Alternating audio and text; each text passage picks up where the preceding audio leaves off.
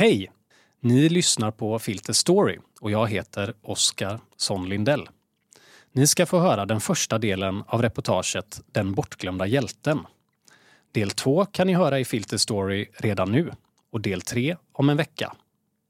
Reportaget publicerades i januari 2024. Växjö 13 april 1985. 12 medlemmar ur Sveriges enda öppet nazistiska parti marscherar genom staden när de möts av tusentals motdemonstranter och kravaller utbryter. En fotograf fångar ögonblicket när en kvinna drämmer sin handväska mot en skinnskalle. Bara minuter senare sparkar folkhopen på en liggande nazist. En man i vit tröja och mörkt skägg fotograferas när han hejdar lynchmobben och räddar den fallnes liv. Bara ett av fotografierna kom att bli ikoniskt, som en världssymbol för civilkurage. Det här är berättelsen om två extraordinära bilder, där en förvrängdes och en glömdes bort. Reportaget är gjort av Simon Appelqvist och uppläsare är Madeleine Polnov. Trevlig lyssning!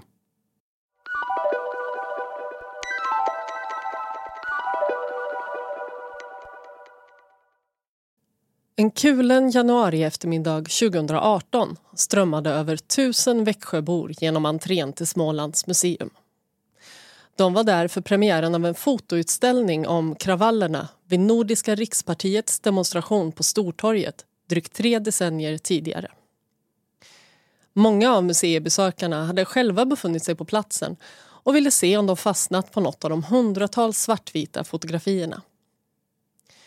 Utställningens stora dragplåster var förstås bilden på kvinnan som drämmer sin handväska i huvudet på en av nazisterna.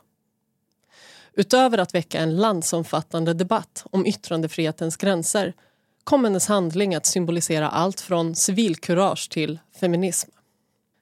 Medan Dagens Nyheters frilansfotograf Hans Runesson pratade med besökare om sin klassiska bild diskuterade hans kollegor som täckt händelseförloppet för Smålandsposten och Kronobergaren andra motiv. Under kvällen granskade pressfotograferna besökarnas ansikten och kände igen flera av dem. Smålandspostens Erik Johannesson hängde vid sin personliga favoritbild som också visar civilkurage men varken har blivit symbolisk eller kontroversiell. På den syns en livlös nazist med spott på kinden och blod rinnande ur mungipan omringad av en lynchmobb. Han vilar mot en ung, mörkhårig man i vit tröja som skyddar skinnskallen med sina armar. Förbarmandet han visar den här nazisten har följt mig hela livet, säger Erik Johannesson. Jag har ingen aning om varför han var på demonstrationen eller vart han tog vägen. Fotografiet väckte besökarnas uppmärksamhet och några bad om att få köpa en kopia. Men mannen i den vita tröjan syntes inte till trots att både Erik Johannesson och hans kollegor spanade efter honom i vimlet. Jag har hört att han var en läkarstudent från Chile, säger Johannesson. Han bara försvann från radarn. Lördagen den 13 april 1985 höll Vänsterpartiet kommunisternas partiledare Lars Werner valupptaktsmöte med lokalpolitikern Lennart Värmby på Stortorget i Växjö. Några kvarter bort marscherade tolv medlemmar ur det då enda öppet nazistiska partiet i Sverige. De hade fått demonstrationstillstånd framför landshövdingebostaden, Residenset, vid samma torg där VPK-arna samlats. För smålänningarna utgjorde de fanbärande nazisterna en besynnerlig syn Merparten av skinnskallarna hade kommit från Göteborg för att stötta Växjösonen Staffan Winlöv, ledare för Nordiska rikspartiets aktionsgrupp RAG. Den så kallade Lillfyrens politiska bakgrund var brokig med medlemskap i såväl SSU som MUF innan han under sin tid i frivillig befälsutbildning gick med i NRP. När Winlöv nu tågade in på Stortorget hade han precis blivit klassad som säkerhetsrisk av ÖB och utsparkad från sin militärtjänstgöring som kustjägare. Med svart bälte i karate och knogjärn under de avklippta läderhandskarna var han redo att möta Växjöbornas raseri. Lennart Värmby avslutade VPKs valupptaktsmöte med orden Vi vänder ohyran ryggen och håller en tyst minut för nazismens offer under andra världskriget. Sen marscherar vi en kort och massiv demonstration ett par kvarter bort från torget. Majoriteten trotsade Värmbys uppmaning och ihop med tillströmmande motdemonstranter växte folkmassan till några tusen människor. En relativt stor andel var sydamerikaner som flytt från fascistiska diktaturer i sina hemländer. Ner med nassarna och krossa NRP ekade över torget. Poliskommissarie Börje Engerby manade till lugn medan nazisterna radade upp sig bakom ett blåvitt plastband. Staffan Winlöv försökte överrösta buropen med en megafon men avslutade anförandet när ett ägg krossades mot hans armbindel. Kommissarie Engeby hann inte dra på sig sina handskar innan den första motdemonstranten bröt avspärrningarna. Nu välde människor fram. En skinnskalle slog en motdemonstrant i ansiktet. Staffan Winlöv välte omkull en punkare och en kvinna rev upp en nazists skalliga gässa så att blodet rann. NRP-arna flydde fältet med motdemonstranterna hack i häl.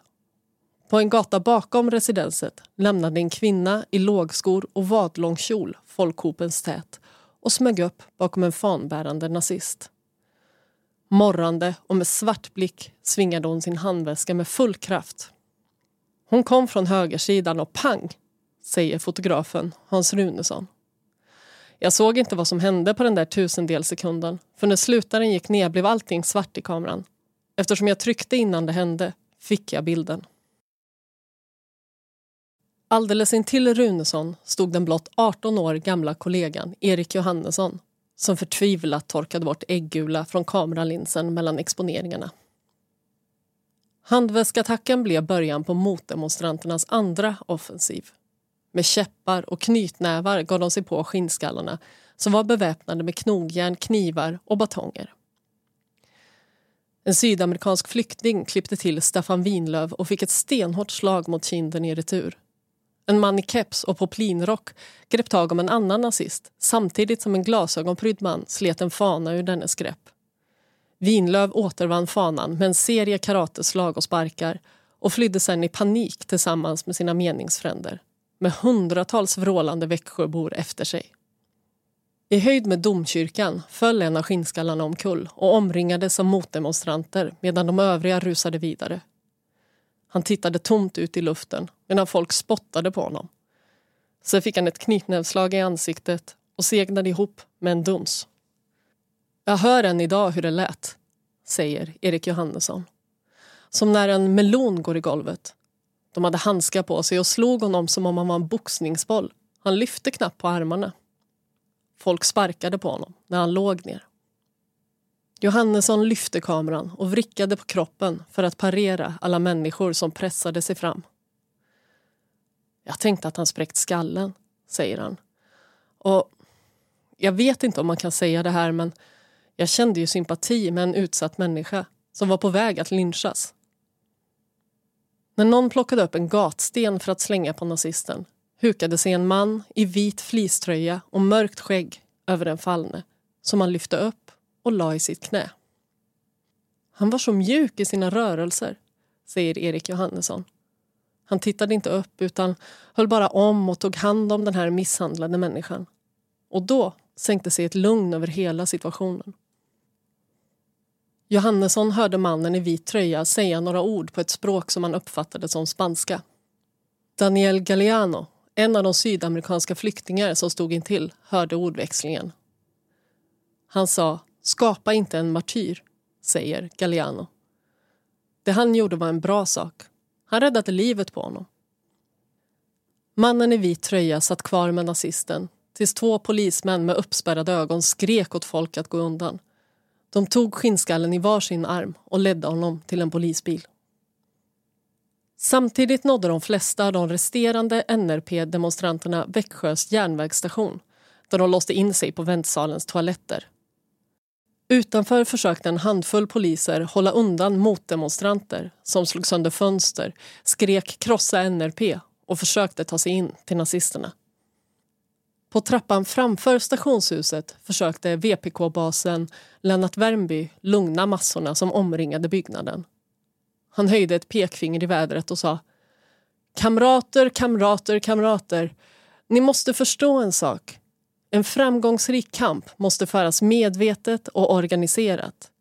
Då ska vi också medvetet och organiserat fullfölja den kampen och se till så att det sker på ett för kampen värdigt sätt. En motdemonstrant med Karl Marx skägg och dansk brytning svarade. Det går aldrig för långt för fan. Vi vill bara slå ihjäl kräken, för helvete! Nu började poliser från resten av länet komma till platsen och anförda av Växjös polischef Bo Lind tömde de väntsalen på motdemonstranter och föste in nazisterna i godsförvaringsrummet som barrikaderades med en gaffeltruck. Några reportrar blev insläppta och intervjuade Staffan Winlöv som sa att de tänkte demonstrera igen på första maj. Efter ett tag anlände fler kravallutrustade poliser som försökte häva belägringen men folk krävde att polisen först avväpnade och arresterade nazisterna. När kommissarie Börje Engerby med skärmmössan på sned och torkad äggula på kinden visade upp fyra beslagtagna stenar, två knivar, en batong och ett knogjärn avlägsnade sig några av motdemonstranterna. Till slut höll ett 60-tal kravallutrustade poliser med schäferhundar undan den kvardröjande folkmassan medan nazisterna släpptes ut bakvägen och sprang för sina liv till ett par väntande polisbussar. Med åtta filmrullar i fickan stegade Hans Runesson in på Dagens Nyheters redaktion i Växjö. Jag gick in i min skrubb och tittade på dem i glödljuset och tänkte helvete, där sitter ju väskan perfekt, säger Hans Runesson. När jag körde fram första kopian kom DNs Växjö-korrespondent Rune B Axelsson in i mörkrummet och såg den i framkallningsvätskan. Han brukade aldrig visa några känslor men skrek rakt i mitt öra. Jävlar i mig, fattar du att du har tagit århundradets bild? Erik Johannesson gick in på Smålandspostens redaktion i hopp om att ha lyckats fånga samma situation. Med luppen tryckt mot negativen insåg han att många var förstörda av äggkladdet på linsen. Jag sparade vissa rutor men en hel serie var helt värdelös, säger han. Jag blev så fruktansvärt besviken när jag förstod hur nära, men ändå långt bort, jag varit från att ta den bilden. Johannesson slängde de förstörda negativen i soporna och fortsatte granska bildruta för bildruta. Två stack ut. Den ena visade folkmassan som sprang gatlopp efter nazisterna. Den andra var på mannen med den vita tröjan som räddade den fallna nazisten. Då sköljde alla de här känslorna över mig igen, säger han. Hur oerhört otäckt det var. Full av adrenalin framkallade han natten igenom. Mina nyhetsredaktioner från hela Sverige ringde för att beställa bilder via telefoto och så fortsatte det under resten av helgen. Tekniken var saktfärdig. Varje bild sattes i en maskin med en snurrande trumma och pulserande ljus som omvandlade bilden till en ljudsignal som hos mottagaren transformerades till ljus som exponerades på fotopapper. Min mamma var så orolig för jag glömde givetvis att höra av mig, säger Erik Johannesson. På måndagsmorgonen landade Smålandspostens första utgåva efter kravallerna i Växjöbornas brevlådor. Under rubrikerna Folkmassan visade sin avsky och Nynazisterna jagades bort rymde första sidan två av Johannessons bilder. Mest utrymme fick fotot på en motdemonstrant som försöker dra omkull en av nazisterna. Det andra visar den till synes livlöse skinnskallen som omfamnas av mannen med vit tröja. Bildtexten. Protesten mot nynazisterna började med äggkastning och därefter blev det rena lynchstämningen. Många ville visa sin avsky och protesten blev blodig. Jag var ju väldigt ung då vad gäller bedömning av bilder, säger Erik Johannesson. Jag pratade mycket om bilden på den misshandlade nazisten. Det var kanske därför som de tog med den på första sidan. I övrigt vill jag inte påstå att den fick något vidare genomslag. Det var aldrig tal om vilken bild Hans Runesson skulle skicka upp till DN Stockholms redaktion. Men han hade inte räknat med att två chefer skulle diskutera om den överhuvudtaget kunde publiceras. Du kan ju inte slå en väska i huvudet på vem du vill och en av dem ville skydda kvinnan, säger Hans Runesson. Så det blev en fight om de skulle våga ta den bilden. Men det här var ju nyheter. Fotografiet dominerade både Dagens Nyheters och Expressens första sidor den 14 april. I den senare tidningen under rubriken Hon jagade ut nynazisterna. Därefter kablades det ut över halva världen. Bilden såldes till AP och tio kopior skickades till London, säger Runesson. Jag fick höra att den satt i varenda engelsk tidning. Så vem var kvinnan med handväskan? I del två följer vi hur bilden på kvinnan blir ikonisk när den kablas ut över världen och hur folk snabbt fyller den med egna idéer som inte alls stämmer överens med verkligheten. Var tanten verkligen en överlevare från Förintelsen? Var hon ens en tant? Följ flödet magasinet Filter på Spotify så riskerar du inte att missa några avsnitt. Vi hörs!